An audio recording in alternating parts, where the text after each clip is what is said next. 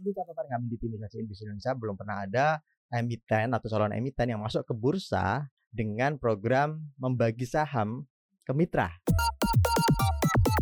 Satu hal yang menurut saya patut diapresiasi lah pada manajemen Goto ini adalah mereka listing di Indonesia. Ini beda sama kompetitornya yang kita udah tahu lah ya. Mereka listingnya ada di ya di luar negeri dan tidak ada di Indonesia. Padahal pasar mereka di Indonesia gitu. Iya. Pertama mereka IPO ketika pasarnya lagi tertekan. Eh, Momentum siapa pun lah, ya siapa pun yang mau IPO di tengah kondisi pasar seperti sekarang, waduh, itu deg-degan semua pasti yang Hmm. uh, underwriternya. Koneksi Konten Ekonomi Seksi teman-teman, selamat datang di podcast Cuap Cuap Cuan. Seperti biasa hari ini ada hari Rabu, berarti waktunya koneksi, konten. Ekonomi Seksi. Yo, konten ekonomi seksi. Agak datar tapi gak apa-apa mas. lekong semua. Seksi. Seperti biasa ada Maria Katarina dan ada Head of Research-nya CNBC Halo. Indonesia, Arif Gunawan, Mas Argun, dan juga ada produser CNBC Indonesia, Dede Isme. Langsung ketemu nama Instagramnya. Mas Dede, apa kabar? Alhamdulillah baik. Mari. Gila, ini hari ini kita akan ngobrolin mengenai uh, road to go to ya. Go to apa goto sih ngomongin? GT aja deh yang mana? Karena kan ini kayak apa ya? Ada lagi startup ya listing di Bursa Efek Indonesia setelah kemarin buka.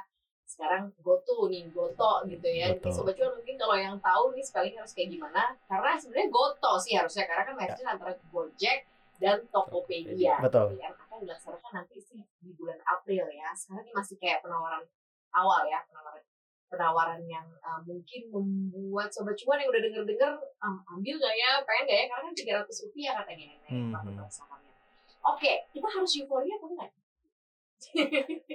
Mas Argun. Aduh itu pertanyaan sulit.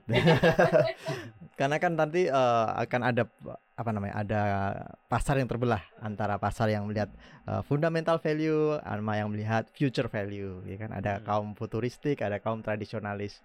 Ya memang itu perspektif pada akhirnya. Tetapi satu hal yang menurut saya patut diapresiasi lah pada manajemen Goto ini adalah mereka listing di Indonesia.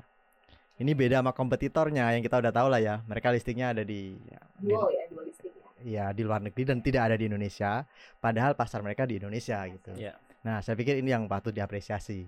Eh, minimal itu masuk di pasar Indonesia meskipun pada akhirnya juga ada target listing di luar negeri. Jadi ini hajatan ini hajatan pertama nih. Nanti ada hajatan kedua yang lebih besar dan itu yang mungkin juga patut dipantau nih karena kan nanti ada satu dekakon Indonesia yang masuk ke pasar luar negeri entah Amerika, entah Cina atau Hong Kong mereka masih me- mempertimbangkan. Itu dulu. Kemudian yang kedua eh IPO ini membantu inklusi keuangan kita. Karena menurut catatan kami di tim investasi Indonesia Indonesia belum pernah ada emiten atau calon emiten yang masuk ke bursa dengan program membagi saham ke mitra. Oke, Hmm. Jadi selama ini kan kalau IPO ada program MSOP, kalau kayak iya kayak kantor ya. Ya, Gitu manajemen staff. Ya. option plan. Jadi yang dapat eh, saham adalah direktur-direktur atau manajer-manajer gitu. Kita berarti yang punya toko. Yang punya toko maupun driver. Driver juga ya? kece dong berarti. Iya. Itu. Jadi ini juga menambah jumlah eh, apa ya? Ya eh, ini ya pembuka rekening saham baru. berarti. betul, betul. Mhm, Ya, karena- baru. kalau kita melihat di prospektusnya itu ada 600 ribu orang driver yang sudah diseleksi sama manajemen dan bisa mendapatkan saham. Mendapatkan dalam arti dibagi. Mm-mm. Jadi dia nggak perlu beli, tapi udah dapat alokasi jatah gitu. Dan kalau mereka mau men- mengakses itu, entah mau di trading, mau disimpan dijual ataupun mau dijual, ya itu harus buka rekening saham. Jadi ada 600 ribu rekening saham baru yang berpeluang untuk dibuka. Jadi saya pikir dua hal ini eh, menarik untuk struktur IPO Goto saat ini sebelum kita nanti bicara yang challenging challenging lainnya. lainnya dan lain-lainnya ya. Tapi kalau lu mas ngeliatnya kayak gimana? Ini eh, menarikkah gitu kalau pemirsa buka? Tertarikkah? Menarikkah dan tertarikkah Oke. gitu untuk punya juga gitu? Oke, mungkin kalau kita bicara IPO Goto, Ya. kita nggak bisa terlepas ya dari IPO yang sudah berlalu sebelumnya. betul. buka. Pasti eh, pelaku pasar itu kan antusiasmenya berbeda. Kalau waktu dulu buka itu kan dia waktu masih baru baru pertama kan yang e-commerce gede, unicorn, terus dia masuk di bursa saham seolah-olah kayak wah kalau kalau nggak naik kayaknya akan bikin malu nih. Jadi harus Iya. satu atau dua hari pertama naik dulu. Jadi eh, apa ya namanya ada eh, kalau dalam dalam tanda kutip tuh kayaknya waktu yang sebelumnya tuh dijaga lebih dijagain. Apakah nanti akan juga terjadi di Gotoa ini? Kita akan lihat juga ya gimana ya.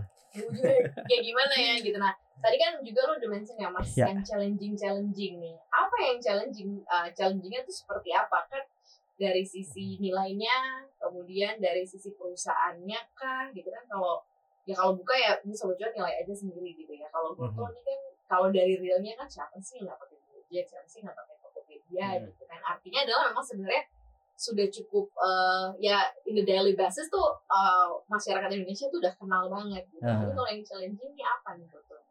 Eh, pertama mereka IPO ketika pasarnya lagi tertekan. Yes. Iya, jadi eh, Momentum siapa pun lah, iya ya. siapa pun yang mau IPO di tengah kondisi pasar tis- seperti sekarang, waduh, itu deg-degan semua pasti yang Hmm. underwriternya, siapa Mandiri, kemudian Indo Premier sama. Trimegah ya, CIMB Iya. juga yang yang Greensu. Nah itu eh, sekarang kalau kita lihat saham apa eh, Grab misalnya, anjlok, Uber anjlok, si anjlok IPO ya, semua. langsung Iya, setelah jatuh. jadi kondisinya lagi pada jatuh kompetitor-kompetitor atau industri peer yang berada di industri yang sama dengan Goto. Itu challenge pertama. Challenge yang kedua itu tadi meyakinkan market Hmm. bahwa mereka ini minimal tidak sama seperti eh, buka kayak Hmm. gitu kan. Kemarin buka sempat naik tapi di di awal doang ya, setelah itu pada tertekan, sekarang sudah hampir berapa? Hampir 300 kalau tidak salah kisaran Iya. sahamnya. Jadi yang dari berapa 700 atau 800 gitu. 850 kalau nggak salah Nah, 850 ke 300-an itu kan anjlok sekali. Nah, ini dikhawatirkan membuat eh, kapok ini para investor untuk beli saham Iya. serupa. Hmm. Nah, apakah bisa underwriter atau bahkan manajemen Goto meyakinkan pasar bahwa eh, kami bukan seperti Bukalapak kayak gitu. Iya. Itu challenge kedua. Oke, Gitu. jadi itu ada dua challenge ya. Iya. Tapi kalau dilihat kayaknya apa si Goto ini lebih siap nggak sih? Karena kan kalau dilihat ini sudah ada mekanisme uh, skema green shoe ya. Ya. Ini mungkin yang juga nggak terlalu familiar ya buat teman-teman. Baru lagi nih istilah baru lagi ini apa sih yang kemudian mencoba untuk uh, disasar, dijaga juga nih sama manajemen gitu mengenai uh, perencanaan untuk IPO-nya ini dari Goto. Eh, G- Goto ini sebenarnya diuntungkan dengan keadaan karena eh, seandainya dia listing ketika barengan dengan buka kemarin, dia akan menghadapi problem yang sangat sangat Berat. sama, Hmm. berat sama beratnya. Nah, dia mendapatkan keuntungan karena pada tahun lalu itu ada peraturan OJK nomor 22 ya, tahun 2021 yang memungkinkan lock up period untuk emiten yang baru tercatat dan itu berlaku untuk para pemegang saham syariah. Saham syariah itu saham biasa gitu ya. Hmm. Yang saham yang diterbitkan itu saham syariah. Jadi selama 9 bulan para pendiri yang sudah ada di dalam itu tidak boleh melepas sahamnya sampai dengan 8 bulan. Lock up period itu baru ada. Dibuka dulu aturan itu belum ada. Makanya setelah listing satu bulan kemudian ya para pemegang saham pendiri syariah ya mereka merasa udah saatnya apa cuan ya dijual semua. Nah itu memungkinkan. Nah kalau sekarang itu tidak memungkinkan untuk para eh, Kemarin pemegang saham sampai pendiri. 8 bulan ya. 8 sampai 2 tahun kalau salah 8 bulan Oh. sampai 2 tahun 8 sampai 12 tahun ya. Ha-ha. Oke. Jadi lumayan juga gitu. Ada lock up period di sini. Itu sangat sangat membantu eh, eh, stabilisasi saham eh, Goto. Di sisi lain mereka juga bikin mekanisme gr- green shoe itu. Green shoe, ya. Ya. Nah, mekanisme green shoe itu apa? Ya dia juga menerbitkan eh, saham eh, baru juga dan itu berbareng- berbarengan dengan I- ketika IPO dan alokasinya itu nanti khusus untuk stabilisasi harga. Hmm. Jadi kalau eh, saya lupa berapa nilainya kalau di pro- prospektus ya. Intinya dia menyediakan dana sekian ratus miliar atau mungkin triliun kali ya. Itu eh, saya lupa berapa pastinya itu ya. Harus dicek lagi. Nah, itu kemudian diserahkan ke si IMB Iya. G- GS ya. Iya. Nah, itu nanti dia akan melakukan mekanisme stabilisasi. Jadi ketika sahamnya anjlok, dia membeli minimal di harga ketika listing. Ini bisa Gitu. disebut ini gak sih Mas eh, dijagain Oh iya, Di bandar. bandar. dijagain bandar. Dijagain bandar bisa gak sih? Bandar Nah, maksudnya. jadi Bandar kenapa gue nunjuk gitu? Betul. supaya harganya nggak jatuh gitu kan ya. Iya betul itu bandar, bandar yang resmi dan diakui dan legal Iya. gitu. Cuman eh, masa berlakunya saya lupa mu- kalau nggak salah 30 hari atau 30 40 hari, hari. ya bener Mas. ya. Ada di prospektus. Berarti untuk kalau untuk pemilik eh, kayak retail gitu, berarti diuntungkannya apa? Ya dia eh, arah harganya itu kecenderungan akan minimal flat atau bahkan menguat gitu. Karena mereka yang akan jual di harga lebih bawah itu ya pasti kalah dibandingkan mereka yang ngasih offer di atas di, di atas harga itu gitu. Hmm. Jadi ya itu mekanisme stabilisasi ini berlaku tapi itu sampai duitnya habisnya sampai kapan kan gitu. Kalau misalnya eh, dorongan jualnya juga gede di retail ya akan cepat habis juga dana itu. Bisa jadi 30 Oh, hari juga lewat. IPO masih bakar-bakar uang juga berarti. Eh, bakar-bakar uang maksudnya manajemennya. Tanda kutip. Nah, itu juga. Memang bisa dibilang ini bakar uang tapi untuk menjaga harga sahamnya. Dan itu apakah punya efek dilusi Greensu itu enggak karena kan juga emang dikeluarkannya berbarengan. Nah, ketika IPO udah ada alokasi khusus untuk saham Greensu ini. Oh, Oke. Nah ini mungkin sobat cuan yang dengerin, oh menarik nggak sih? Oke nggak sih? Mahal nggak sih? Nih kalau dilihat ya dari nanti rencana uh, listingnya dengan harga yang uh, ditawarkan dengan target IPO-nya lumayan cukup mahal nggak sih? Kal- Dari apa namanya valuasinya? Ya, kalau kita bicara valuasi memang intricate ya karena ini startup. Dan kalau startup itu ya memang kita nggak bisa pakai eh, eh, matrix matrix ya dulu. yang yang konvensional. Pastinya PI nggak bisa diberlakukan masih rugi kan. Masih rugi. Ya lihat aja Amazon dulu Az- Amazon ketika listing 97 juga rugi dia. Jadi PI itu nggak berlaku. Paling mungkin PBV gitu. Nah PBV dia kebetulan eh, eh, Goto ini dia lebih mendingan dibandingkan buka gitu. Jadi kalau buka dulu itu eh, menurut catatan kami ketika dia eh, listing itu PBV-nya sebelum sebelum listing itu kisarannya 20-an kali gitu. 20-an kali. Ini Ya. buka lapak ya? Eh, eh, Bukalapak. Oke. Nah sekarang Goto berapa? Goto itu eh, setelah kami hitung PBV-nya itu 2,7 kali ya 2 sampai 3 kali. Jadi kalau Under 5 kali kan katanya masih relatif murah. masih relatif murah Hmm. gitu.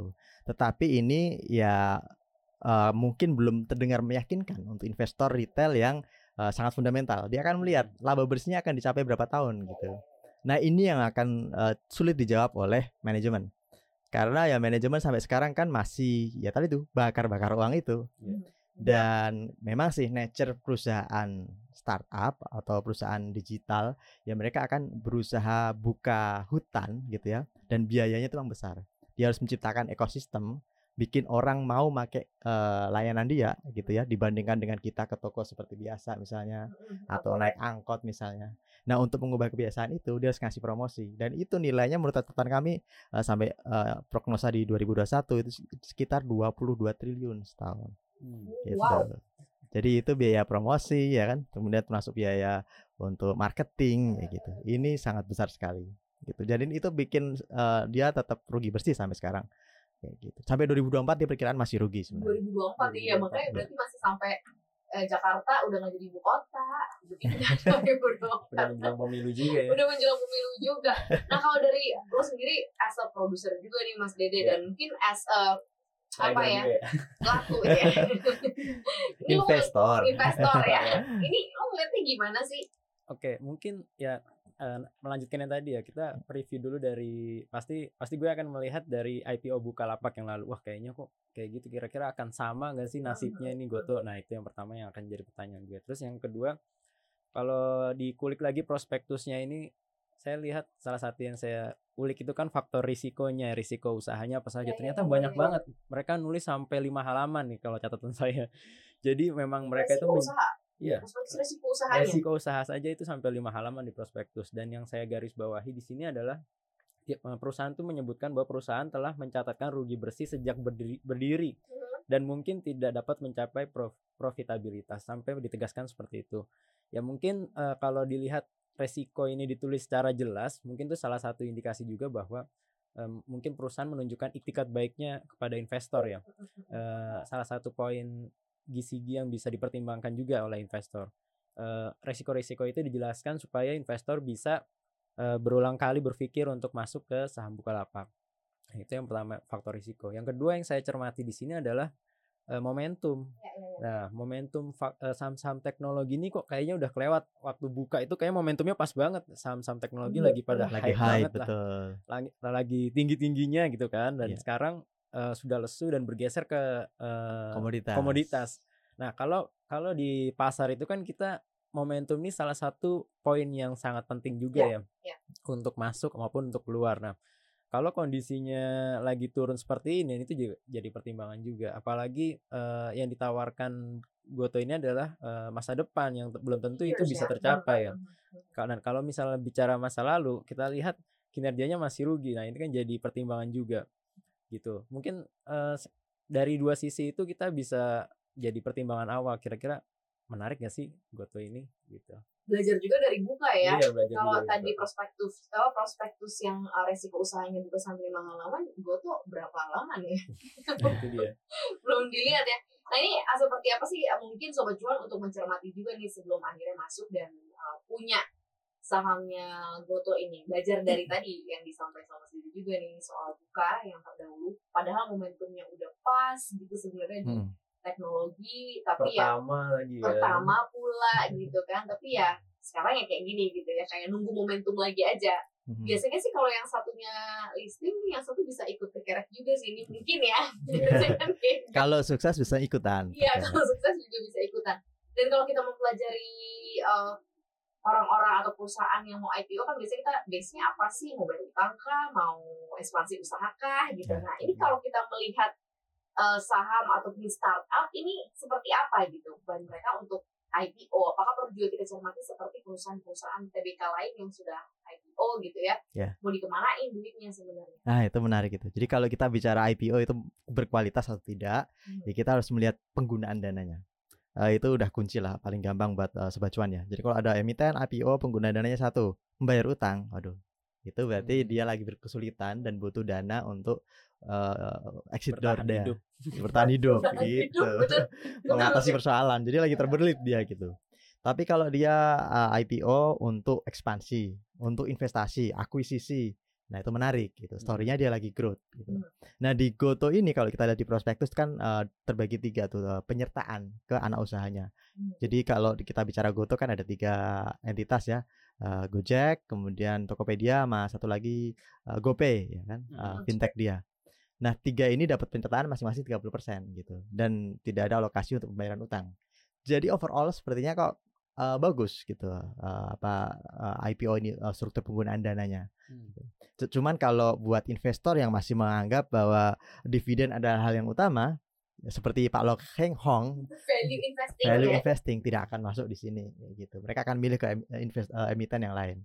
Kalau Anda mau beli saham Goto dan kawan-kawan ya, eh, saham-saham eh, unicorn, startup, eh, pastikan bahwa yang ditarget itu fair value, eh, future value sorry. Value. Jadi Anda harus melihat apakah dia masuk akal dalam waktu lima tahun akan menguasai pasar di digital itu. Hmm.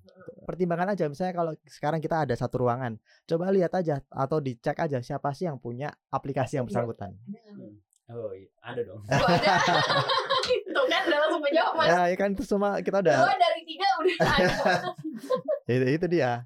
Kalau dulu kan misalnya buka, ya teman-teman cek aja apakah di sekitar teman-teman ada yang peg- eh, punya buka. Kalau ada berapa kali transaksi kayak gitu. Ini juga membedakan untuk kasus GoTo ini. Anda lihat aja, ada nggak yang pegang, kemudian dipakai nggak gitu. Hmm. Nah kalau itu dipakai, berarti Anda perkirakan aja lima tahun kemudian story-nya akan gimana gitu. Mungkin nggak sih yang eh, eh, aplikasi yang seperti ini akan gagal? Ya, ya, Mungkin ya. Atau jangan-jangan kayak Amazon, tadinya jualan buku, sekarang jualan cloud gitu loh. Sampai ke mana-mana gitu kan jualannya. Karena apa? Dia punya komunitas, dia punya keunggulan teknologi, punya integrasi gitu. gitu. Dan mungkin GoTo story-nya bisa ke sana. Tetapi ya jangan berharap dapat dividen itu aja. Mungkin Oke, Anda akan lihat harga sahamnya fluktuatif gitu ya. Tetapi ya itu akan ada yang jaga minimal berapa bulan tadi gitu. 30 hari 80 30 hari.